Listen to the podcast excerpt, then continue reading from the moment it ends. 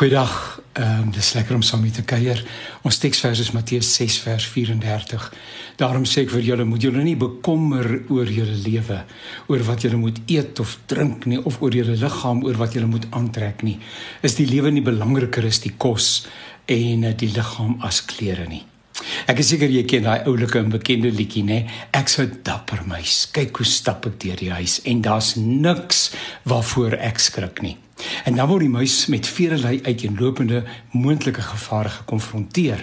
En hy verklaar dan ewe kort daar dat daai goed uitgesluit, daar steeds niks is waarvoor hy skrik nie. En dan kom hy koor van stemme wat met oortuiging verklaar: "Jy jok, jy jok." Weet nie hoeveel van ons speel die dapper my spel nie, maar ek waag dit om te sê dat daar 'n veelheid van sake is wat ons tog bekommerd wil laat. Wat ek probeer sê is dat kommer te eenemale deel van menswees is sonder om dit te verskoon of om dit te regverdig. In die Bybel oordeel en veroordeel nie. Ek glo dat Jesus met groot empatie praat wanneer hy aan hierdie gehoor voorhou uh, dat hulle hulle self nie moet bekommer nie. Ek dink hy wil die belangrikheid van vertroue op hom wat in alle opsigte in staat is om ons te dra onderstreep. Om te bekommer is tydmors. Dit is energie wat onnodig verspil word. Ons sal later in hierdie week daarby kom. Dat Jesus ernstig is oor sy oproep, dat sy volgelinge hulle nie sal bekommer nie, is duidelik. Die belangrikheid daarvan word 3 keer onderstreep. Moenie, moenie, moenie.